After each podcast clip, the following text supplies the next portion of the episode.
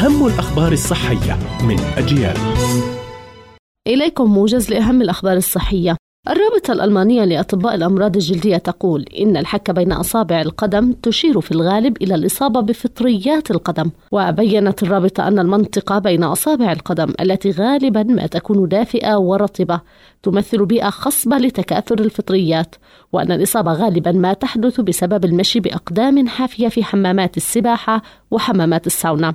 وشددت الرابطة على ضرورة استشارة الطبيب فور ملاحظة الأعراض الدالة على فطريات القدم نظرا لأن الفطريات قد تهاجم الأظافر وبينت أن العلاج يتم بواسطة مضادات الفطريات أفادت دراسة للمعهد الوطني الفرنسي للصحة والبحوث الطبية بأن تناول البروكلي أو الملفوف يساهم في الحد من شدة الحساسية الجلدية وأنه على من يعانون حساسية في بشرتهم أن يتبعوا نظاما غذائيا متوازنا.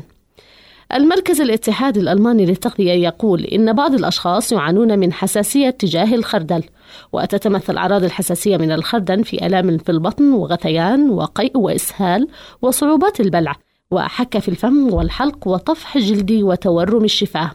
وفي الحالات الشديدة يمكن أن يعاني المرء من ضيق في التنفس وفي أسوأ الحالات قد يصاب المريض بصدمة تحسسية تشكل خطرا على الحياة. كانت هذه أهم الأخبار الصحية. قرأتها روزانا طه. إلى اللقاء.